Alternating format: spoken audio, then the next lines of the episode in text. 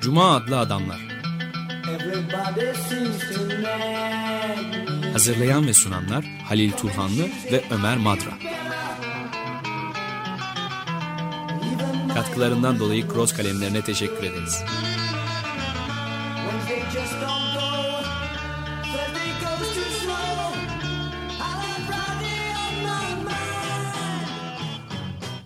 Merhaba Halil, hoş geldin. Teşekkürler. Stüdyoda bir konumuz var. Kendisine de hoş geldin diyelim. Besim Dellaloğlu'na hoş geldiniz. Çok teşekkür Hoş ederim. geldiniz. Sağ olun davetiniz için. Birkaç ay önce yayınlanmış olan Benjaminia adlı yapıtından yola çıkarak Walter, Walter Benjamin'in düşüncelerini konuşacağız bugün. Ben kitabın başlığınızdan başlamak istiyorum. Onunla ilgili soru soracaktım ama daha da biraz geriye giderek e, ithafla ilgili bir soru soracağım. Kitabı e, Hrant Dink'e ithaf etmişsiniz. Onun anısına ithaf etmişsiniz ve gelmiş geç bu toprakların gelmiş geçmiş en büyük parhesiyastesi olarak nitelemişsiniz kendisini. Önce bunu açalım. Ondan sonra başlığı Benjaminia anlamına geliyor. Eyvah.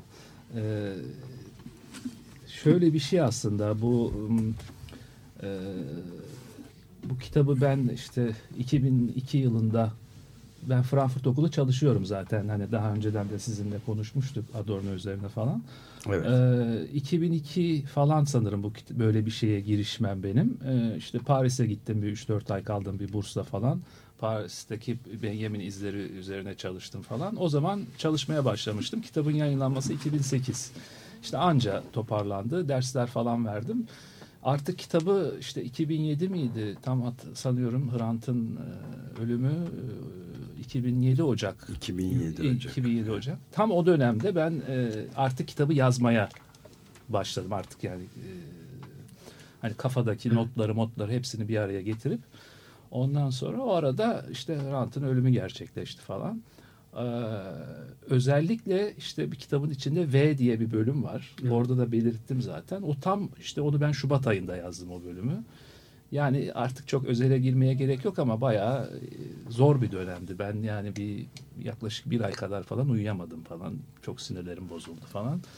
İşte o e, o zaman böyle bir özdeşlik kafamda benim şey oldu. Yani Benjamin'le Hrant Dink. Ben Hrant Dink'in yüzünü şahsen görmüş biri değilim. Yanlış anlaşılmasın. Hiçbir kişisel şeyim yok ama televizyonda, basında bir e, imge olarak takip ettiğim biridir.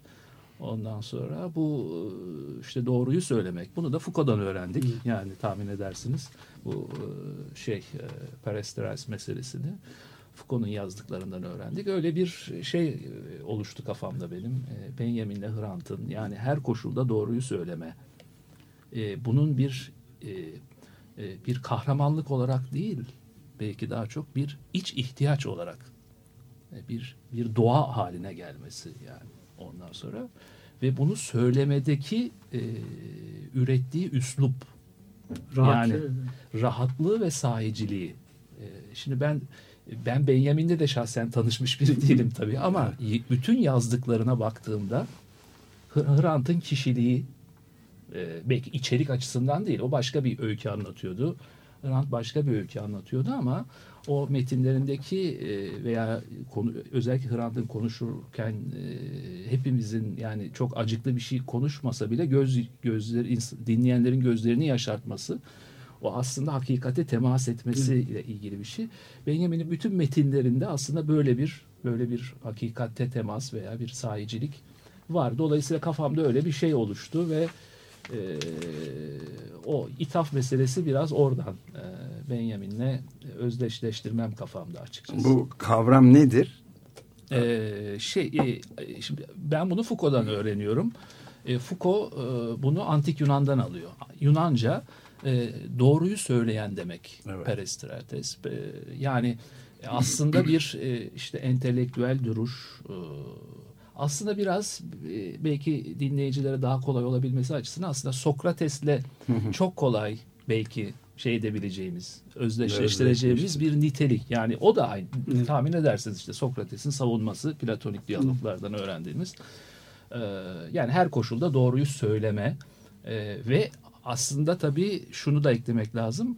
Bu e, Foucault da bunun çok altını çizer. Bu iktidara karşı yapılan bir şeydir. Evet. Yani hakikat her zaman iktidarın yüzüne söylenen bir şeydir. Yoksa yani burada üçümüz e, Birbirimize doğru kahve söyleme. içerken e, doğru söylemenin çok büyük bir anlamı olmayabilir. Ama bunu kamusal yani tabii iktidarın yüzüne söylemek modern zamanlarda bunu kamusal olarak yapmak, e, iletişim araçlarıyla yapmak, işte yazarak, çizerek yapmak ondan sonra e, ve bunu e, işte gerekirse bedelini yani Evet. baldıran zehiri Evet, e, içerek tepkileri Evet, çekerek. evet, evet. Yani bu e, antik Yunan'dan e, şey olmuş, oluşmaya başlamış bir kavram aslında. E, dolayısıyla Hrant'a da ben çok yakıştığını düşünmüşüm. Hakikat anlatıcımız. Evet, hakikati Evet. dile getiren, hakikatin ardına düşmüş kişi aslında. Evet. Peki e, kitabın başlığı nedir? Onu Hmm, Be- Benjamin- Benjamin'ya. Benjamin- Benjamin'in evreni gibi bir şey, öyle bir çağrışım yapıyor. Ya o aslında biraz yine yazma sürecinde oluşan bir şey. Yani e, biraz kendiliğinden oluşan bir şey. Çünkü şimdi ben bunu çalışıyorum işte derslerde öğrencilerle anlatıyorum, tartışıyoruz falan. Böyle işte arkadaş çevrelerinde, akademik ortamlarda, e, geri rakı sofralarında falan muhabbetini yapıyoruz falan. Ee, bana ön sözde bir yerde de değindim ona. Hani şöyle e, diyorlardı arkadaşlar. Hani çok güzel ama işte biraz fazla kişiselleştiriyorsun. Fazla idealize ediyorsun, romantize ediyorsun falan gibi meseleyi. O işte e, kitaba da yansımış üslup olarak falan. Ben de bunu dinliyordum falan filan. İşte o zaman hani bunun bir yani gerekirse hani o terimlerde de kullanılabilir bir e, bir abartma, bir aşırı yoğunlaşma, işte bir manik bir bir şey de olabilir falan filan. O o tartışmalardan, o kafamda o süreçlerden e, Benjaminia diye bir şey çıktı. Yani kafayı Benjamin'e takmış olmak e, nın bir ürünü olarak. Bir de şeyi de ekleyeyim istiyorsanız onu da çok sorarlar bana. E, dil, tarih, coğrafya. Evet. Şimdi tabii dil tarih dil tarih ve coğrafya Benjamin'de zaten belki daha ayrıntılı konuşuruz kalan zamanda. Ee, çok önemli temalar. Zaten bunlar e, aynı zamanda iç bölüm başlıklarından e, bazılarını oluşturuyorlar. Ama mesela bunlar da bende biraz anlık oluyor işte böyle de işte Hrant kitabın ilk ismi falan. Bir gün Ankara'daydım. İşte bir konferans, konferans bir şey tam hatırlamıyorum. Tam da kitabın işte e, son dönemleri. E, taksiyle şeye gidiyordum. E, tren istasyonuna. E, işte tam o meşhur fakültenin önünden geçerken Dil tarih. Dil Tarih Coğrafya Fakültesi. Ondan sonra aslında o o şey e, çok e, o işte illüminasyon diyeyim bir anlamda bir bir tür aydınlanma e, Benjamin'in tabii ki gene konuşabiliriz tarih anlayışını işte ulus devlet resmi tarih yazımı bunun eğitimle kamusallaşması falan bütün meseleleri tartışmak için aslında çok yani 30'larda sanırım Mustafa Kemal'in adını belirleyerek açtığı bu fakülte aslında çok e, simgesel bir şeyi olan yani tam da e, Benjamin'in kastettiği şeye işaret eden ee, hani girersek çok eleştirel şeyler de söyleyebiliriz ondan sonra ama evet yani dili, tarihi ve coğrafyayı formatlamadan e, bir ulus devletten söz etmek e, mümkün değil. Yani bu bunun fakültesi kurulacaksa da bunun adının böyle olması çok Mesela, çok o, e, uygun e, gözükmüştü bana evet. Benjamin için bir kriz döneminin düşünürü, bir filozof olduğunu söylemişsiniz. Modernizmin krizine tepki veren bir düşünür. Bu arada da Heidegger'in Hölder, Hölderlin'den yaptığı bir alıntı Hmm, var. doğru. Bir şeylerin bittiği, yeni bir şeylerin bir türlü başlayamadığı çağ. Gramsci'yi de ekleyebiliriz buna. Doğru. Eskinin yok olduğu, yeninin de henüz ufukta görülmediği bir dönemden bahseder o da. Peki modernliğin krizinin belirtileri ne ve Benjamin buna nasıl bir tepki veriyor? Galiba ilerleme düşüncesine karşı çıkışı bunlardan bir tanesi. Daha başkaları da var sanırım. Evet tabii tabii. Aslında tabii Benjamin'in e, yani 1940'ta ölüyor. E, 1892 doğumlu. 48 yaşında ölüyor. Dolayısıyla hani düşüncelerinin olgunlaştığı dönem aslında tam da Weimar dediğimiz Evet. Almanya'da. Yani 18-33 arasındaki dönem aslında. E, tabii bu Be- Benjamin için söyleyeceğimiz birçok şey sizin de demin belirttiğiniz gibi o kuşağın birçok e, Avrupalı düşünürü için özellikle Alman düşünürleri için çok geçerli.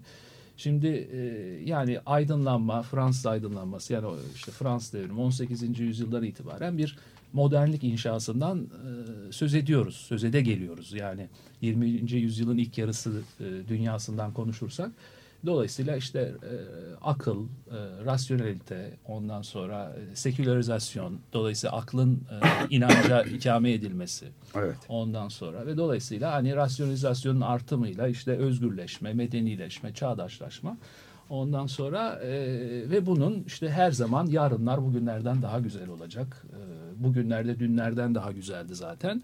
Bunun ürettiği bir ilerleme e, fikri, düşüncesi, ideolojisi, felsefesi ortaya çıkıyor. Bu as bu da aslında bir inanç. Evet. Anlatabiliyor muyum? Şimdi bunun çatlaması aslında tam da 20. yüzyılda e, radikal bir şekilde çatlaması 20. yüzyıl. Önce Birinci Dünya Savaşı, işte bilmiyorum milyonlarca insanın ölmesi.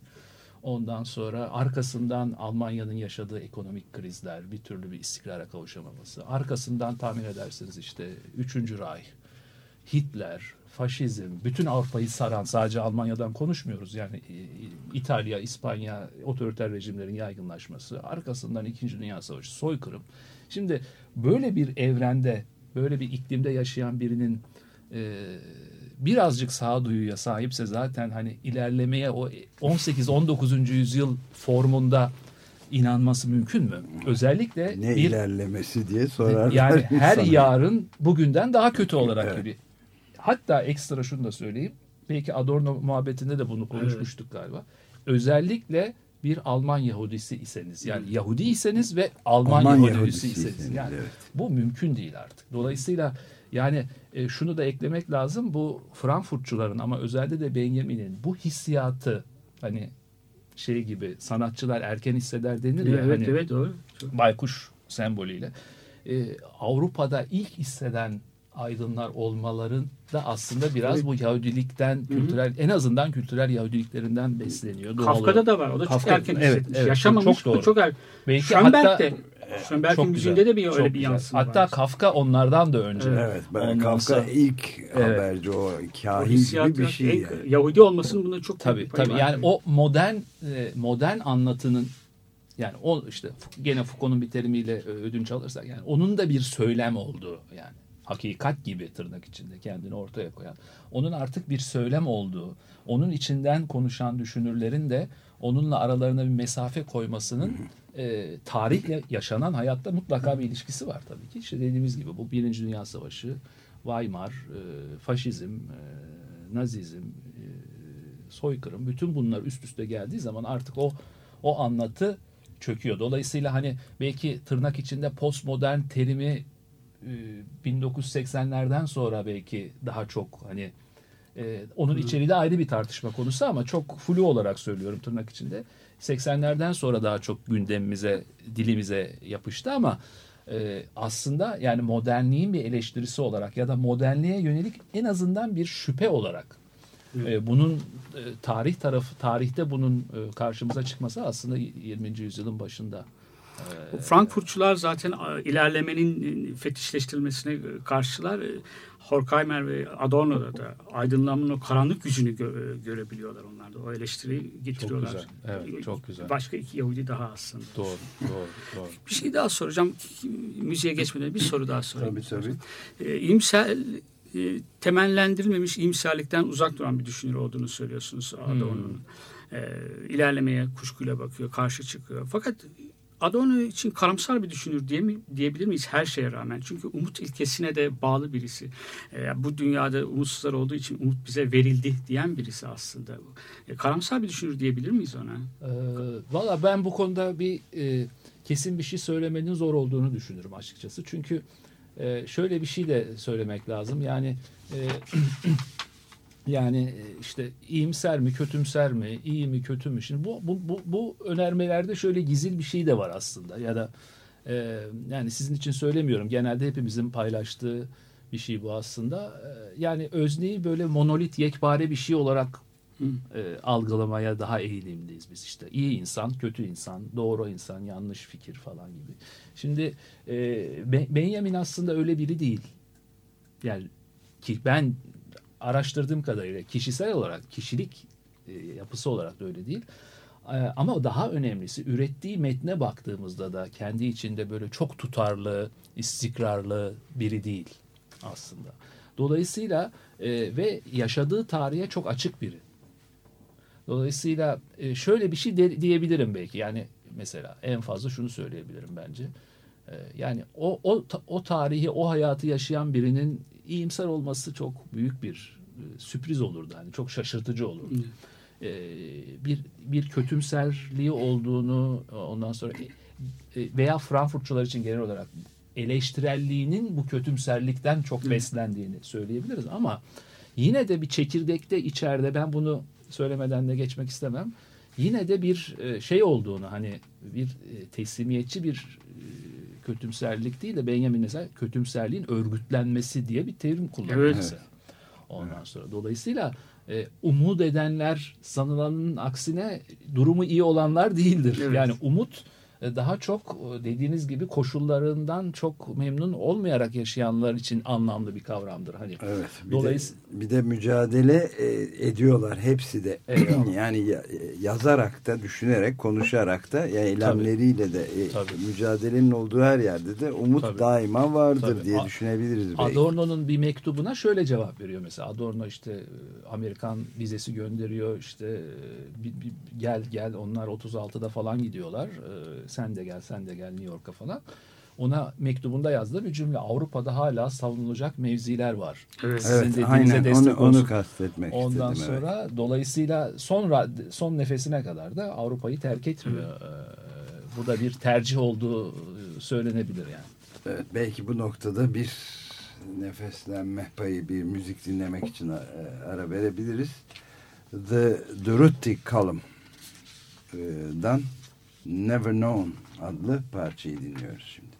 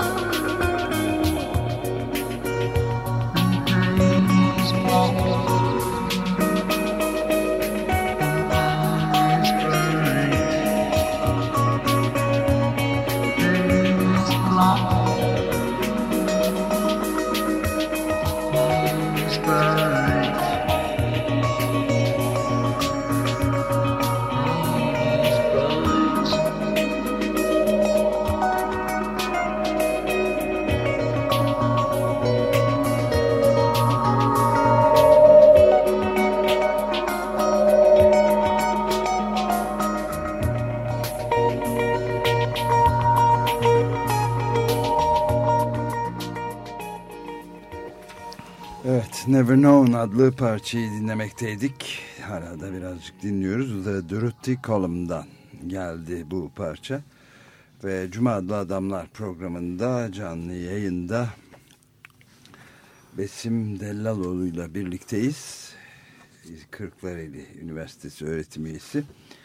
Ve kendisinin yenilerde yeniden yayımlanan Benyaminya Dil, Tarih ve Coğrafya adlı kitabı üzerinden e, kalkarak kendisine ayrıntı yayınlarından yayınlandı bu kitap. E, onun üzerinden Walter Benjamin'in e, çeşitli düşüncesinin iz düşümlerini bugün konuşmaya çalışıyoruz. Evet, Benjamin'in bir soru daha soralım e, konuğumuza. E, mistin, mistisizmin onda gençlik dönemiyle sınırlı olmadığını söylemişsiniz siz. Evet. Bu açıdan mistik gençlikle sınırlı değil. Ama yaygın anlamıyla da mistik değil galiba. Mistik modern öncesi Hmm. teolojiye fazlasıyla bağlı. O anlamda bir mistik mi? E, mistik bir düşünür olarak tanımlayabilir miyiz?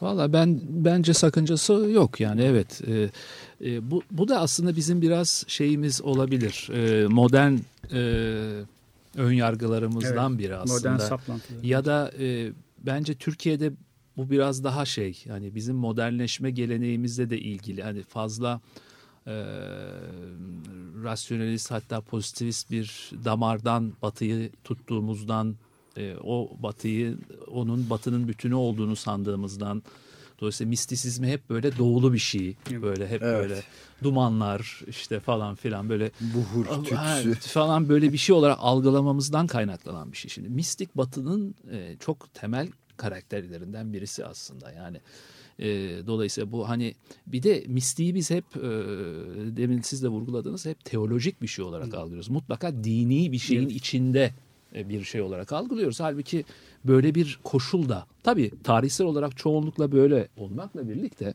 ondan sonra mistik mistiğin teolojik olanın içine zaten sığmadığı e, ondan sonra bugün e, yani çok şey bir gönderme olabilir e, ama hani oralara girmek adına değil yani bugünkü işte Sünni Alevi meselesinin bile bununla e, ilişkisi e, var mutlaka. Dolayısıyla e, mi- mi- mistik hep işte inanç, e, ideoloji, hayat arasındaki ilişkiyi e, sürekli tazeleyen, inşa eden bir şey. Şimdi dolayısıyla e, Benjamin'e dönersek, evet Benjamin'in e, mistisizmle olan bağlantısı özellikle Kabala'yla yani Yahudi mistis daha spesifik olarak Yahudi mistisizmle bağlantısı e, tarihsel olarak işte Gershom Scholem'le e, dostluğundan çocukluk arkadaşı ki e, işte onun da başyapıtı tabii 1950'lerde yazdığı daha yeni Türkçe Kabala. Şey e, yok bu İzmirli Sabatay Sevi'nin e, üzerine yazılmış hala en önemli kitaptır. Kabalcı yayınlarından çıktı Türkçe çevirisi. Şimdi e, Scholem bir şeydir. E, Kabala dünyanın en önemli Kabala Evet. uzmanlarından biridir. Benjamin'in çocukluk arkadaşıdır. 20'lerde e, şeye göç etmiştir. Kudüs'e göç etmiştir ve ömrünü orada tamamlamıştır ve bir işte akademik profesör olmuştur. Bu Yahudi mistizmi profesörüdür. Ee, onunla ilişkisi bu tabii burada çok etkileyici aslında. Ee, ama e, işte aslında demin girişte de sizinle konuşurken e, değinmiştik hani e, mesela e, Benjamin'in e, bence asla çok e, kuşağına e, la karşılaştırırsak çok klasik konvansiyonel ortalama bir Marksist olamaması bence aslında bu mistik damarla Evet, evet. ilişkisinden e, kay- e, kaynaklanan bakışından. bir şeydir. Evet yani sizin de söylediğiniz tarih felsefesinin tarihe bakış tarzının hiçbir zaman Ortodoks Marksizmle paralel olmaması aslında e, bu şeye işte Yahudi mistizmle ve özellikle bu Mesihçi e, anlayışa olan e, bağından e, kaynaklanıyor. Çünkü ilerleme işte e, toplumsal sınıflar davranacaklar işte özne olarak tarihi yönlendirecekler işte Hegel'in tarih felsefesinin biraz materyalize olmuş hali ve e, tarihin işte belli bir yönden belli bir yöne gitmesine e, vesile olacaklar. Dolayısıyla tarihin içinde aslında bir tür telos var. Evet. Ondan sonra. Teen. Dolayısıyla hani sosyalizm, bilimsel sosyalizm, sosyalistseniz özellikle. Dolayısıyla sosyalizm bir gün gelecek. Bu, dolayısıyla bunun ötesi teferruat. O gün mü gelecek? Bugün. Şimdi Weimar Cumhuriyeti'nde bu ciddi ciddi Marksist dergilerde Tartışılıyor. tartışılıyor. Yani 36 36'nın ocağında mı gelir, 38'in Şubat'ında mı gelir düzeyinde tartışılıyor. Şimdi bir müddet sonra da nazizm geliyor tabii. Evet, evet. Yani dolayısıyla e, şey e, nasıl diyeyim e, bunlarla Benjamin'in hiçbir e, bağının olmaması, bunlara mesafeli olması biraz sizin dediğiniz bu mistik, o mistikte tabii Mesih'i ve dolayısıyla kurtuluşu, redemption'ı çağırıyor fikir olarak yani. Dolayısıyla Mesih e, Kurtarıcı Mesih. kurtarıcı tarihin dışından da gelebilecek bir şey yani dolayısıyla e, onun ne zaman nereden geleceğinin bir şeyi olmaz. E, Tarih felsefesinde yine çok önemli bir yeri olan bir bir anlayış. e, Geçmişi kurtarmak Benjamin'de. E, Geçmişin neden bu kadar önemli? Belki de daha önce verdiğiniz soruları tamam e, cevapları tamamlayıcı bir şey bu. E, Geçmiş kurtarılabilir mi sorusu da akla geliyor. Evet. Benjamin'e yabancı olanlara için en Evet, azından bu evet. soruyu sorabilirler. bir tür zaman yolculuğunu çağrıştırıyor. Yani Evet. geri gidip gemiye binip o filmler vardır ya Back to Future falan. Şimdi burada şöyle bir şey var aslında. Demin dil tarih coğrafya meselesinde de oradaydık aslında. Yani şimdi e, tarih e, mutlaka tamamlanmış bir şey olmayabilir. Tarih öncelikle yazılan bir şey. Yani tarih ile geçmişi birbirinden ayırt etmemiz lazım bir kere. Yani tarih geçmişin yazılı halidir. Dolayısıyla e, bunu cümle içinde kullanan her zaman e, o yaşanan tarihsellikte güçlü olandır bir kere. Yani Evet. tarih her zaman padişahın otağında yazılır, kralın işte sarayında yazılır. E, dolayısıyla e, öyle yazıla gelmiştir. Bugün de çok büyük bir değişiklik yok aslında açıkçası. Hani modern devlet, ulus devlet, demokrasi falan filan ama bu biraz daha sofistike olmuş hali. Dolayısıyla Pardon burada ufacık bir parantez Tabii. açabilir miyim? Yani e, bu söylediğiniz o kadar önemli görünüyor ki bana e, yani bugünkü tarih yazımının da aslında kapalı kapılar ardında iktidar merkezlerinde yapıldığı bir şekilde en ilginç bunu ortaya koyan örnek de belki de şu anda çok güncel olan WikiLeaks. Yani o Doğru, belgelerin ortaya dökülmesiyle birlikte bi- bizim tüketmemize yöne tüketimimize yönelik tarihin nasıl yazıldığını ve bambaşka şeylerin olduğunu aslında gördük orada. Ne kadar doğru söylüyorsunuz. Hatta bunu bunu yapmanın da ne kadar büyük bir suç olduğu değil mi? Evet. Adamın şu anda yaşadığı tarihin süreci. büyük suçu haline aldı Tabii yani. yani, e, aslında e, çok basit bir şey eklemiyor aslında değil mi? Olan olayları Sadece- görünür hale getiriyor. Ona rağmen ne kadar büyük bir e, baskı var üzerinde. E, dolayısıyla tarih aslında tamamlanan bir şey değildir. E, dolayısıyla e, tarih her zaman bugün de yazılır ve geçmişe dairdir. Ve bugündeki iktidar yapısı değiştiği zaman işte e, geçmişe dönmek bu, bu tırnak içinde zaman yolculuğu e, metaforunu burada kullanabiliriz. Geriye döne, dönmüşçesine e, yani mesela bir, bir 100 yıl önce bir şey olmuş işte e, Ali Veli'yi dövmüş ve orada bir tarih üretilmiş. As, aslında yani tarihte biz Ali'yi haklı olarak biliyoruz ama aslında Veli haklı. Şimdi dolayısıyla geri dönüp Veli'nin hakkını teslim etmek aslında tarihi geçmişi yeniden kurmaktır. Evet. Bu hiçbir zaman tamamlanmayacak bir süreçtir. Ezilenlerin hakkını iade etmek, onlara vermek için. Evet yani dolayısıyla onun kavramında devrim, değişim, büyük değişim sadece o onun içinde yaşayan aktüel özneleri kurtarmayacaktır. Geçmişte hak gelmişlerin de hakkını teslim ederek ancak biz bugün e, hakkımızı elde edebilirsek o, o anlamlıdır. Yani dolayısıyla bu e, tarihin e, geçmişin kapısı bugüne her zaman açıktır Benjamin gidip tarihi yeniden yazabiliriz. Ee, yeniden inşa edebiliriz. 19. yüzyıl e, tarih yüzyılı demişsiniz. E, 20. yüzyılda dil yüzyılı demişsiniz siz e, kitabınızda. Genelde felsefe dünyasında denenmiş. Yani Evet. benim için çok orijinal bir fikir Yani değil bu. Hani e, Dille varlık arasındaki ilişkinin Evet. öne çıktığı bir yüzyıl demiş. Belki de varlığın dilin yetersiz olduğunu kavradığı bir yüzyılda diyebiliriz. Çünkü Benjamin yazarken söz oyunlarını daha doğrusu Hmm. pek çok da sö- yeni sözcükler bulan birisi. evet, Ee, neolo- lojist bir tavrı olduğunu da söylemişsiniz kendisinin. Neden yüzyılda, e, 20. yüzyılda, geçtiğimiz geride bıraktığımız yüzyılda böyle bir dil böylesine önemsizliği çıktı ya da dilin yetersizliğini nasıl e, kavradı varlık? Ee, şöyle bir şey aslında e, ya mesela e, Be- Benjamin'i anlamak anlamamak işte bazı e, önemli düşünürleri yazarlarına e, metinlerine nüfuz etmek etmemek anlamında da kullanılır bu mesele. Yani biz dili e, çok uzun zaman bir araç olarak yani e, sanki e, dilden bağımsız bir düşünce var, bir fikir var. Ondan sonra biz bununla dop doluyuz.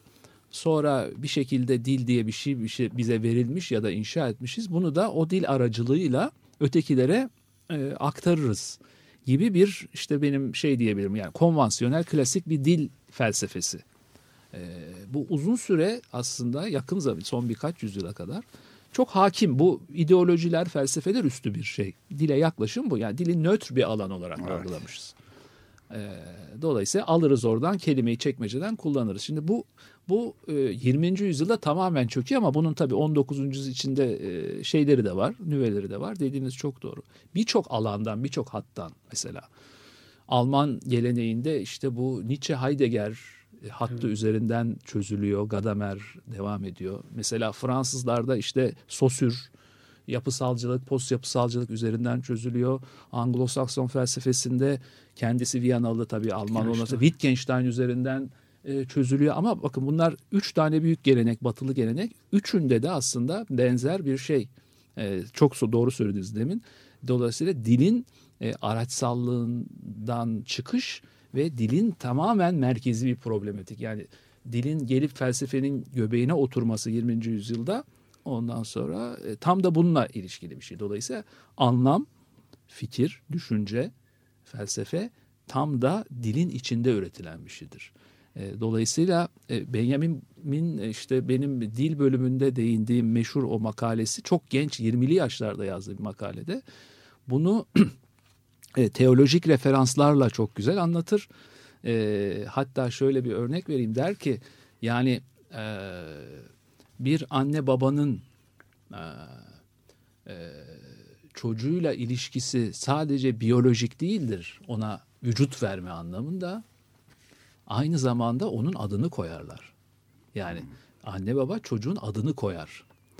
Dolayısıyla ad koyma, dolayısıyla bütün yaşamı boyunca diğerlerinin onu nasıl çağıracağını Cana belirleme. veriyor. Bu çok belirliyor. bu çok önemli bir şey aslında. Çok çok önemli tayin bir şey. edici bir şey. Çok tayin edici bir şey. Dolayısıyla e, değil mi? Yani e, Kişiliğini, kimliğini veriyorsunuz. çok aslında. önemli mesela. Hatta şeyden söz edilir işte e, Yahudi geleneğinde. E, Şimdi tam adı- terimin şeyini hatırlayamadım. Geçti epey zaman. E, yani Yahudilerin hepsinde mi bir kısmında mı daha inançlı olanlarında mı çok e, iyi hatırlayamıyorum ama en azından bir kısmında şöyle bir gelenek var. Biz e, işte bizdeki at verme töreni ya da işte Hristiyanlardaki vaftizde Var. olduğu gibi e, işte çok küçükken şeye havraya götürülüyor ve ağam onun kulağına bir isim fısıldıyor. Bu isim e, rivayete göre o çocuğun, o varlığın Tanrı nezdindeki ismi ve hiç kimse o adı fizik olarak kullanmıyor. Ama biliniyor. Yani hiç kimse bir onu işte o ad neyse o hayatın içinde o isimle çağırmıyor. Tanrı onu çağırmak ihtiyacı hissederse o isimle çağıracak. O- Mühür yani bir bir çeşit. tür mühür. Şimdi yani buralara kadar e, adın, Evet. ismin, dilin e, dolayısıyla ve Benjamin'de çok derin bir e, şeyi var, e, anlamı var. Peki bir de e, kitabın sonlarına doğru e, coğrafya ve mekan üzerine dur. e, Modern zamanlarda mekanı en ciddi alan düşünürlerden biri olduğunu söylemişsiniz ki haklısınız orada. Bir mekan filozofu demişsiniz onun için. Pasajları anlatması, 19. yüzyıl başkenti Paris'i, Berlin'de geçen çocukluğunu. Orada bir saptamanız da var sizin. Yunan ve Romalılar kentle ilişkisi modern özne gibidir demişsiniz. Ve hemen arkasından ekliyorsunuz. Walter Benjamin de Paris'te bir Yunan Romalı gibi yaşadı demişsiniz. Bunu açalım mı? Tabii doğru. E, yani şimdi burada da mesela bir ilerlemenin kırılması var değil mi? E, yani modern kentin aslında antik Yunan'a, e, Roma'ya bir geri dönüş gibi Evet. orta çağ e, bypass ederek antik çağdaki kentle ilişki, Evet, Roma, eski Roma'da evet, kentle evet. ilişki. Yani şimdi şunu demek istiyorum o aslında kasteder. E, Benjamin e, Paris'te özellikle Paris'te ama bir Yunan Romalı gibi Evet. yaşadı. Paris derken- biraz da siz pardon lafınızı sözünüzü kestim ama onun hayatına mal olan bir şey Tabii, diyoruz. Orayı tabii. terk edemedi, Amerika'ya gidemedi tabii. demişsiniz. E, 33'te oraya yerleşiyor. İşte yedi, son 7 yılını orada geçiriyor ağırlıklı olarak. Şöyle bir şey. Şimdi mesela Efes'i Bergama'yı işte Afrodisyas'ı falan gezerseniz yani Türkiye'deki antik kentleri şimdi işte stadyumlar, e, bibliotekler, işte efendime söyleyeyim dini mekanlar, böyle e, işte çeşmeler, hamamlar, e, hatta tuvaletler falan görürsünüz ama şeyi görmek bir, birkaç Efes'te bu çok güçlüdür tabii ki en önemli kent olduğu için belki. Bildiğimiz klasik anlamda ev. Evet. Ya bu insanlar nerede yaşadı? Bu stadyumu dolduran insanlar nerede yaşadı? Bu bibliotekte kitap okuyanlar nerede oturuyordu? Geceleri nerede uyuyordu? Şimdi bu mekanların çoğu mevcut değildir. Neden? Çünkü e, Yunan Roma yaşama formunda ev çok önemli bir mekan değildir. Evet. Yani zaten şunu belirtelim yani Efes 2. yüzyılda nüfusu 200 bin dünyanın en büyük kenti belki ama bugünkü gezdiğimiz Efes'te yaşayan 20-25 bin çünkü ötekiler sur dışı işte yani köylü e, işte esir mesir işte Evet, falan köylü. filan aristokratlar ya da yurttaşlar dediğim ondan sonra Efes'te yaşayan 20-30 bin şimdi bunlar e, mutlaka geceleri bir yerde uyuyorlar ama kent kamusal olarak zaten onların yaşama alanı. E bu insanların çoğu çalışmıyor zaten. Anlatabiliyor muyum? Yani dolayısıyla kent tam anlamıyla bir yaşama alanı. Dolayısıyla eve zaten tuvaletlerin, e, hamamın falan hepsinin dışarıda Kolektif, olması evet, buradan kaynaklanıyor. şey. Çünkü eve sadece e, şeye geliyorlar. Uyumaya. Şimdi dolayısıyla hani Benjamin'e dönersek Benjamin'de Paris'te nasıl yaşıyor? 7-8 değişik taşınma durumu var. Oteller, otel odalarında yaşıyor. Böyle küçücük Tam Dair- göç evi aslında. Evet ve bütün hayat işte bir kütüphanelerde, kafelerde falan geçiyor. Şimdi benim zihnimdeki o şey oradan kaynaklanıyor aslında. Yani kentsel mekanı kullanıyor ondan sonra. Ama yani Paris'te işte demin de sizinle e, konuşurken söylemiştik hani bir türlü Avrupa'yı terk edememesi. O meşhur kitabı Pasajlar kitabının ancak Paris'te yani modernliğin ancak Paris'te keşfedilebilirliğinden kaynaklanıyor. Dolayısıyla mekanlar onun için sadece şey değil e, dar anlamıyla mekan değil aslında mekanın üzerinden orada yaşanan hayat hakkında çok işte başkalarının çok da kolay keşfedemeyeceği şeyler keşfediyor. So- Soyutlamalar, genellemeler e, çıkarıyor. Bu pasajlar yapıtı bunlarla dolu zaten. Bu tür değerlendirmeler. Mesela çok önemli değerlendirmeler birini söyleyeyim size bir örnek yani bana çok vurucu gelmişti ilk okuduğumda bundan 10 yıl önce falan. E, alışveriş merkezlerini modern tapınaklar olarak Evet. Çok acayip. Evet. Evet. ya bunu ilk söyleyen tarihte bu çok şimdi çok e, klişe Yani bir laf aslında. alıştığımız toplumun şey eleştirisi. ama bunu, bunu bunu 1920'lerde söylüyor. evet çok acayip. Alış- Hiç yokken böyle Yok, bir yani, alışveriş e, merkezi tabii. diye bir kavram yokken. Tabii ilk pasajları görüyor ve bunlar işte geleceğin tapınakları bunlar diyor. İnsanlar çünkü pazar günleri oraya geliyor alışveriş işte Evet. falan. Düşünün yani kiliseye gitmek yerine hepimiz ak merkeze gidiyoruz falan filan. Şimdi dolayısıyla bu bu çok önemli bir şey. Dolayısıyla mekana bakıp onun ötesini görme dediğim benim biraz buradan. Peki besleniyor. Besim Bey bu arada ben de ufak bir e, soru sormak istiyorum. Yani Tabii. bu e, kent mekanla ilişkisi e, de demokrasinin demokrasi kavramının rolü nasıl şekilleniyor bir çerçeve olarak? Yani biraz agorayı da kastederek eski Yunan antik Yunan şeyinde e, düşünerek soruyorum. Anlıyorum. soruyu. Şimdi şey şöyle söyleyebiliriz. Yani tabii Benjamin demin de konuştuk eleştirel, negatif hatta bir anlamda kötümser bir Evet. düşünür olduğu için yani o hat üzerinden aslında bunu da cevaplayabiliriz. Aslında bu işte modern öznenin pazara çıkışından söz eder. Yani pasajlar şimdi dolayısıyla ulus devletin ortaya çıkışı, modern e, ihtiyaçların ortaya çıkışı ve e, aslında bir demokratikleşme sizin söylediğiniz anlamda. Dolayısıyla mesela cüzdanların daha dolu olması. Şimdi bugünkü terimlerle konuşursak kredi kartları, işte taksitler falan. Dolayısıyla bunlar aslında hepsi e, özneyi, bireyi kamusal alana davet eden Evet. kamusal varoluşu provoke eden bir şey. Dolayısıyla işte kafeler, sinemalar, bowling salonları, alışveriş Şimdi ama aslında bu bu yeni bir iktidar formu da aynı zamanda. Şimdi bunu Benjamin ömrü yetmiyor, e, çok analitik bir düşünür değil. Hepsi sebep buna. Bunu çok sistematize edemiyor 1940'ta ölüyor. Bunu daha çok sistematize edecek Adorno'dur, diğerleridir. Yani modernliğin yeni iktidar biçiminin analizini yapacak olanlar daha çok diğer Frankfurtçulardır. Benjamin'in o dağınık metinlerinde bunun ancak nüvelerini görürüz. Ama e, Özne'nin sokağa çıkışı, pazara çıkışı dediği aslında içsel mekandan yani e, özel alandan, evden, e, mahremden dışarı çıkış, kamusala e, çıkış bir iktidar öyküsüdür. Fakat öncelikle. bir şey sorabilir miyim ben de orada? Kamusal alana bu davet aynı zamanda kamusal alanın tahribi değil mi? Kamusal alanın e, vatan, yurttaşın e, süreç içerisinde tüketiciye dönüşmesi. Evet, Siz dediğiniz işte, evet, tabii, özellikle tabii. Marcuse'nin tek tabii. boyutlu insanda Aynen. söylediği şey. Mesela yani çok güzel söylediniz. Yani e, sizlerin söylediğini birleştirirsek yani e, bu bu bu iki yüzü olan bir madalya evet, tabii. gibi. Evet. Yani bir yandan bir demokratikleşme çünkü yani feodal mesela angarya kavramı değil mi? Yani feodal dönemle işte ilk gece hakkı falan şimdi bunlar bu Evet. kavramlar üzerinden düşünürseniz hepimizin cebinde işte maaşımıza uygun bir kredi kartımız var ve bu bir özgürleşmedir. Evet bunu bunu da yatsımayalım yani. Sizin dediğiniz anlamda demokratik e, demokrasi, demokratikleşme yönünü de göz ardı etmeyelim. Ama e, daha sonra belki Foucault'un çok daha radikal olarak da şey edileceği aslında bu yeni bir iktidar formu, yeni bir e, bağımlılık ilişkisi. Dolayısıyla yani orada var olmadığınız zaman, kamusal alanda var olmadığınız zaman hiçleşme ya- yaşama riskini göze alamama ve dolayısıyla e, yeni bir kamusallık üzerinden e, bağlanma. Dolayısıyla tüketerek teslim olma Evet. e, diyebileceğimiz bir yeni iktidar formu. Dolayısıyla iktidar daha az görünür, daha az somut ama aslında belki e, bu sizin e, demokratikleşme dediğiniz Evet. şeye karşılık ama madalyon öteki yüzüne Öteki yüzünde daha de- güçlü aslında. Evet. Daha Bütün- güçlü, Daha, daha- total bir Evet, e, daha kontrol. dominant çünkü e, sizi ki- kişiliğinize yerleşiyor, içeriden bağlamaya çalışıyor, cüzdanınıza nüfus ediyor.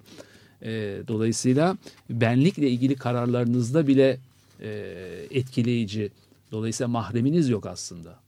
Evet hele bu işte bütün bu reklamlar dünyası ve televizyonla daha sonra onları da tabii Adorn e, şeyin Benjamin'in gör, görmesine imkan olmayan bir zamanda. Yani bugünkü tahakküm e, biçimi Bir bambaşka. örnek vereyim size. İşte yapıtların birinde şey der. Bu ilk e, dünya fuarlarını görüyor. Yani Evet. Aslında 19. yüzyılda ama o 20. yüzyılda görüyor. Paris'in banliyosunda bir fuara gidiyor bu. Ondan sonra bir kere trafik kavramını görüyor. Yani ciddi bir şehirden dışarı doğru pazar günü herhalde bir şey var. Ondan sonra ve orada hiç de zengin olmayan işçi, e, orta sınıf insanların çoluk çocuk gidip belli bir bütçeyle bakın 1920'ler o zaman bütçe ne olacak yani. Ondan sonra işte e, kağıt helvalar, işte yemeler, içmeler, işte ne denir o çocukların bindiği şeyler. Luna Park. Luna gibi. Park şeyler falan. Orada şeyi görüyor işte. Demin sizinle konuştuğumuz. Yani geleceğin şey nasıl diyeyim modern toplumunu ve diyor ki e, işte artık yani e, işçi sadece bir e, emeğini kiralayarak e, üretici değil aynı zamanda bir tüketici. Dolayısıyla bunun da sistem içine entegre edilmesi e, girişte konuştuğumuz işte sosyal demokrasi e, Evet. şeyi meselesi de eleştirisi burada aslında.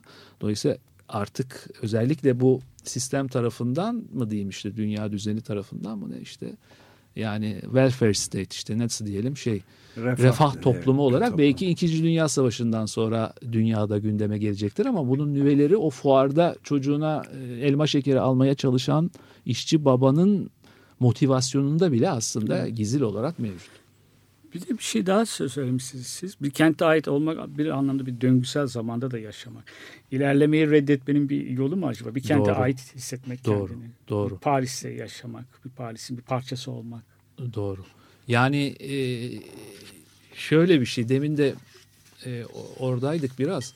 Hani Paris'te sadece hani mekanlarda var olmak değil. Şimdi orada var olarak aslında onu bir metne dönüştürmek, yazıya dönüştürmek. Yani derdi o işte 1920'de karar ver, 27'de karar veriyor ona. Pasajlar Yapıtı diye işte 40'ta ölüyor bitirir bitiremediği bir kitap var. İşte e, el yazmalarından falan ilk Almanca baskısı 1982'de çıktı bakın çok yani ölümünden 42 yıl sonra anca Adorno'nun asistanı Taydeman tarafından düzenlendi. Türkçesi hala yok işte İngilizce Fransızca 90'larda 2000'lerde anca çevrildi. Ondan sonra ama çok dağınık bir kitap. Şimdi bu kitabın Paris'te yazılabilir olduğunu düşünüyor. Yine dediğinize gelirsek yani o, onu yazabilmesi için o hayatı cümle içinde kullanabilmesi için oralarda nefes alıp vermesi gerektiğini düşünüyor. O kadar da böyle çocukça radikal bir şeyi var. Yani e, o kadar e, ben bir, bir sürü işte öz yaşam öyküsüne yönelik metinler falan da okumuştum. Yani işte Paris'in o meşhur kafelerinde e, bugün hala çoğu mevcut olan kafelerinde ondan sonra 1930'larda mesela e, mali durumu da çok e, şey e, Mütevazı. çok mütevazi, çok sınırlı. E, mesela e, kafelere gitmesi işte o ortamı teneffüs etmesi oralarda yazıyor, çiziyor sürekli. E, sürekli gittiği kafeler var. Orada e, işte gidiyor bir kahve söylüyor. Mesela oturuyor saatlerce anlatılanlara göre. E, garsonlar anlıyorlar, tanıyorlar çünkü işte e, üstad gelmiş falan filan. E, yani karnının acıkmış olabileceğini tahmin ediyorlar ama bir şey söylemiyor adam. Çünkü Parası söyleyecek parası yok. Ondan sonra getiriyorlar mesela söylemezse 2-3 saat sonra bir tane kruasan koyuyorlar kahvenin yanına ki hani e, hani bizim ikramımız olsun falan filan diye onun utandırmadan karnını doyurmaya çalışıyorlar. Yani parası olduğu zaman hemen sofrayı donatıyor mutlaka ama ne bileyim ay sonunda bunu yapamadığı için peynir ekmeğe düşüyor. E, dolayısıyla e, o şeylerde de siz bilirsiniz e, ilgili kitapların çoğunda e, Bibliotek Nasyonel'de çekilmiş Evet, fotoğrafları evet. vardır. E, Oraya bir kapanmış şey Evet. üzerlerine falan. Evet. Bu şey de bu, bu noktada ufak bir ekleme yapmak istiyorum müsaade ederseniz. Yani şey de çok ilgi çekici. E, Bu tip e, insanlarda düşündüğümüz gibi Olimpos'tan yani yüksek yerlerden bir ahkam keserek ya da hüküm verici şekilde genel teori üretmek yerine bizzat yaşayarak e, eylemle, e, teoriyle pratiği bir arada yapabilmenin de çok sıkı bir örneği yani. Çok kendisi. doğru söylüyorsunuz evet. Evet. Benjamin tam da bu buna bunu en iyi belki hani becerenlerden biri. Ee, aslında çok yani beceri kelimini kullanınca hani gündelik hayat Evet. e, pratikleri açısından çok becerikli olmadığı Aşikar Ee, ama şu- bunu yaşamadan Evet. da bu hakikate varılamayacağını Kesinlikle. bence çok e, erken yani çok, Çok- doğru bir şekilde saptamış Evet. birisi gibi evet geliyor bana. evet evet. Peki bir soru, soruyla mı devam edelim? E zaten e, Tamam, peki. devam Kaç edelim soru? ve çıkarken de Aha. bir parça Peki, daha oldu. çalarak. Çok daha- az zamanımız var. Evet. Başta sormayı düşünmüştüm bu soruyu. Sonra vazgeçtim. Sonlara sakladım. Belki de sonuncu soru. Bir de belki de sondan bir önceki soru. Ee, başa dönüyorum. Yani kitabın başına. Yazarlara epistemolojik nesne muamelesi yapılamaz. Bazı ba- yazarlara demişsiniz ve Benjamin galiba bunlardan bir tanesi. Ee, bir de orada çok e, benim anlamlı buldum ve altını çizdiğim bir sözünüz var. Tekil olana saygıyı onda buldum. Demişsiniz. Hmm, evet, Beckett evet. bir alıntısı var. Genelleştirmek aptallıktır, tikelleştirmek erdemin üstünlüğüdür. Tikelleştiren bir yazar mı? İnsanlara tikelleşmeyi öğreten bir yazar galiba. Doğru doğru işte Ömer Bey'in demin söylediği tam aslında onun şeyi e, söylediğinizin cevabı yani e, ha- hayatın bir parçası kılmadan belki ontolojik dediğimiz o yani e, ondan sonra yani tamam yani çünkü epistemolojik bakış bilgi nesneleştirici bakış aslında araya mesafe koyucu bir bakış aynı zamanda ötekileştirici bir bakış. Ondan sonra yani alıp oraya koyuyorsunuz sonra dışarıdan fotoğrafınızı çekiyorsunuz gibi bir şey. Arada bir soğukluk bir mesafe var. Aslında e, yani aydınlanma düşüncesinin başından beri e, Batı düşüncesindeki temel e, epistemolojik bakış dünyayı bu şekilde e, tasavvur ediyor. Yani kendisinden koparıp e, sahneye koy- koymadan onu bir bilgi konusu haline dönüştüremiyor. Süremiyor. Evet, çok Şimdi önemli bu, bir Bu aslında e, sadece felsefenin bilimin değil aslında e, aynı zamanda biraz e, hayata dair ve çok da politik bir mesele. Yani siz böyle bir bakışa sahip ol yani çok büyük bir laf e, şey çok eleştirel bir laf olmasın hani çok geçerken söylüyorum yani e, atom bombasının üretilebilirliği bile bununla ilişkilidir. Aynen öyle. Siz onu bir sadece bilgi nesnesi, onun sonuçlarından bu kadar kendinizi soyutlayarak düşünme, düşünmezseniz zaten onu üretemezsiniz. Yani o bomba yapılacaksa bir gün patlayacaktır. Evet? Sonunda da Ha. Oppenheimer'de büyük bir pişmanlık duymuştur Şimdi zaten. dolayısıyla evet yani ama Tamam. laboratuvarda bir bilgi konusu ben onun sonu tamamen kendinizi etikten, felsefeden, siyasetten soyutlayıp tamamen bir bilgi konusu haline getirdiğiniz zaman her türlü kötü şeyi de üretebilirsiniz Evet, şimdi. çok Modern önemli, bilimin çok önemli bir e, şeylerinden biri. Şimdi Benjamin'de bu, bu tam tersi sizin de dediğiniz, sizin de dediğiniz gibi tam tersi bir şey var. Yani dolayısıyla e, nasıl diyelim e, bu tür yazarlara da benim kastım orada onu söylerken e, bu bunun bilinciyle yaklaşmak lazım. Anlatabiliyor muyum? Yani çünkü kurduğu cümleyi bu şekilde bir kendisinin bir fikri e, bir otomatik fikir olarak e, ortaya koyan biri değil. O bir, içinde aylarca yıllarca dönmüş ve ondan bir yaşam e, Yaşanmış da- onu evet. aynen, yani aynen, aynen. İçinde yaşamış o Dolay- kaf- kafede yaşamadan ya da o Aynen, biraz önce aynen, anlattığınız aynen. o işte Luna Parklarda gezen e, işçi orta sınıf çocuklarını filan görmeden sürekli onlarla temas halinde olmadan bence bu tip gözlemleri yapmak hem Evet. çok zor tepeden olmuyor kütüphanede yani kütüphanede Tabii, çalışmak tabii. çok önemli Tabii. ama Bu tür yazarları mesela felsefecileri edebiyattan ayır, ayırmak da çok zor bu açıdan. Evet. Yani Evet. Ona gelecektim ben. E, tabii buyurun. Onu bir düşünür olarak değil bir edebiyatçı olarak almak gerekir. Tabii. Aslında yani bu filozofluğuna e, şey getirmek için değil. E, Şimdi Türkiye demin dil meselesinde de bunu konuştuk ya. Yani bir fikrin bir içeriği var, bir de onun dili var. Şimdi böyle bir şey yok.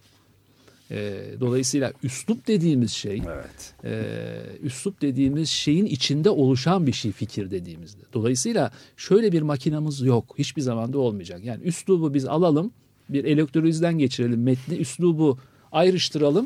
Ondan sonra fikrin kendisine ulaşalım. Böyle bir şey yok. Anlatabiliyor muyum?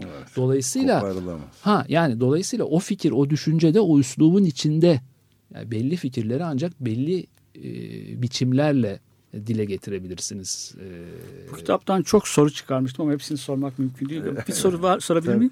Galiba son e, Bitti mi? Soramıyorum. yok, bi- Ha, Peki, bitirebiliyoruz. çok kısa olarak yani Evet. aslında uzun bir soru bunu. Kısa cevaplamak mümkün değil.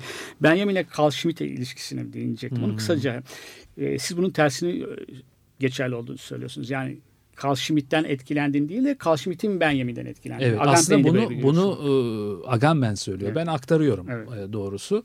E, evet yani o, o çok girif bir ilişki. Çok Evet. hatta e, nüansları hala tartışılan e, çünkü çok az bir şey var. e, bilgi belge var bu konuda. E, Carl Schmitt biliyorsunuz e, bu, bu ilişki 20'lerin başında e, ortaya çıkıyor. Yani bir, bir mektup yazıyor Benjamin e, biliyorsunuz. E, dolayısıyla e, bir daha sonra Schmidt işte e, Nazilerin e, danışmanı e, oluyor. E, Nürnberg'de yargılanıyor ama beraat ediyor. E, o leke ile yaşıyor ömrünün geri kalanını. E, Benjamin de işte solcu, komünist, anarşist ne derseniz deyin. Yani ayrı kampın bir insan ama bunların evet. arasındaki ilişki, diyalog çok ilginç. E, Evet. Buradaki de benim zihnimdeki ortak nokta şu. e, Yani her ikisi de birisi sağdan birisi soldan diyelim. Bunlar da indirgemeci laflar ama e, aslında temel eleştiri nesnesi modernliğin bizatihi kendisi. Dolayısıyla bir e, solcu ile bir sağcı bu konuda e, birbirine çok yakın cümleler kurabiliyor. Aslında siz de 1920 söylemişsiniz. ge- Geleneksel sağ ve sol e, kalıpları içerisinde kalarak cevaplanacak bir soru Evet değil. kesinlikle. soru. Kesinlikle. Kesinlikle. E, evet biraz daha da e, hatta e, Devam edebilir miyiz? Peki bir şey daha sorayım o zaman. Zamanımız varsa çıkardığım sorulardan bir tanesi. Benjamin için faşizmin istisna değil bir genel durum olduğunu, bir kural olduğunu söylemişsiniz orada. Ortodoks Marksizm'den ayrıldığı bir nokta ve Ortodoks Marksistlerin itiraz edecekleri bir nokta. Faşizmi bir kural olarak görmesi de çok önemli aslında. Evet, Hiç kimsenin uyanık olmadığı, komünizmin ne zaman geleceğinin tartışıldığı bir dönemde faşizmi bir kural olarak görüyor. Evet. Ne demek faşizmi kural olarak görmek? Yani Şimdi faşizm- bu aslında e, şeyde bir göndem. Bu tarih tezlerinden bir cümle Evet. bu. Bu cümlede doğrudan şeyin e, Schmitt'in siyasi ilahiyat kitabının birinci cümlesine göndermedir. Tarih tezinin ki- 8. cümlesi Evet. galiba değil mi? Evet. e, şey diyor Schmitt. Egemen olan istisnayı belirleyendir. Kuralı değil. Aa, evet. istisnayı belirleyendir. Şimdi aslında faşizm Weimar Cumhuriyeti Anayasası'nın içinde onun kapsama alanı içinde. Yani kriz anında diyor. Şimdi ma- maddesini detayını söyleyemeyeceğim Gerek ama yok zaten. e, şey bir e, maddesinde aynen şöyle bir e, gönderme var. Diyor ki yani iktidar sahibi e, ülkenin geleceğini işte vatanın milletin bölünmez bütünlüğü neyse e, uygun gördüğü zaman bütün bu şeyi askıya alabilir. Askıya alır, lağveder ve istisnai. Dolayısıyla siyaset biliminde, siyaset felsefesinde bu hala çözülmüş bir tartışma değildir. Yani e, 3. Ray 33-40-45 arası Weimar'ın dışı mıdır? Weimar Anayasası'ndan bir istisna mıdır? Yoksa o Zaten onun, onun, onun içinde Çok midir? Çok ilginç bir şey. Şimdi dolayısıyla e, faşizm meselesine gelirsek de bu da Ortodoks Marksizme yönelik, klasik Marksizme yönelik çok ciddi bir eleştiri aslında. Demin sizin söylediğiniz. Çünkü Ortodoks Marksizm e, uzun on yıllar e, faşizmi e, tıpkı işte feodalizm, sosyalizm, ilkel toplum hani tarihin ilerlemeci e, süreçlerindeki örneklerden biri olarak e, kapitalizmden sosyalizme geçerken e, geçilmesi gereken bir durak, içilmesi gereken bir acı ilaç olarak tarihselleştirmiştir aslında. Yani şöyle ifade edeyim çok iki cümleyle e, ne kadar mümkün olursa. Yani e, çoğunluğun azınlığı yönetebilmesi için. Yani giderek insanlar proleterleşecek, e, sermaye konsantre olacak, yoğunlaşacak. Dolayısıyla sermaye sahipleri de yavaş yavaş işçileşecek. Dolayısıyla çok küçük bir grubun çok büyük bir grubu yönetmesi için daha zora dayanan politik yöntemler, dolayısıyla otoriter ve faşist yöntemler gündeme gelecek. Sonuçta halk isyan edecek. Biz de onların başına geçeceğiz komünistler olarak ve dolayısıyla süpüreceğiz ortalığı. Dolayısıyla bu süreçte faşist bir dönemin yaşanması bir norm olarak tarih onun için norm evet. Şimdi dolayısıyla 27'de Komintern ki Komintern Dünya Komünist Partisi. Evet. 27'deki bir metninde Benjamin bunu çok alıntılar. Gereksiz antifaşizm yapmayın diye bütün komünist partilere öneri getiriyor. Yani faşizmle mücadele etmeyin. Bırakın gelsinler, halkı dövsünler. Bu sayede halk bizim arkamıza geçer. Şimdi aslında 30'ların Çelişkiler derinleşir. Tabii 70'lerde Türkiye'de vardı değil Vardı, mi? Ki, evet, evet, aynen, yani tabii. vardı, vardı. keskinleşti. Aynı, aynı mantık hocam, aynı mantık evet.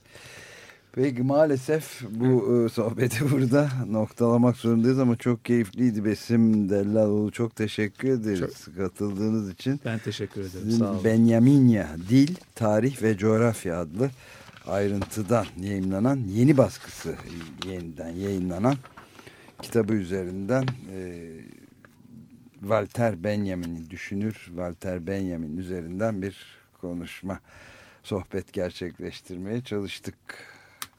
Evet ben de teşekkür ediyorum kendisine. Ee, de gerçekten keyifli bir söyleşi oldu. Bitirirken de Cocteau Twins çalalım. Heaven or Las Vegas geliyor. Hepinize günaydın. So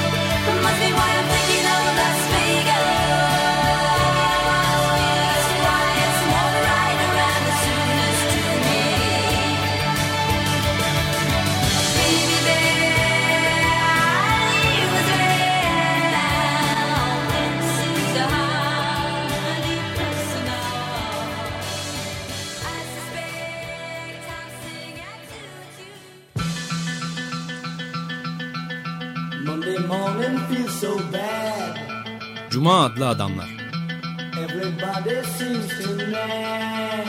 Hazırlayan ve sunanlar Halil Turhanlı ve Ömer Madra. Katkılarından dolayı Cross kalemlerine teşekkür ederiz.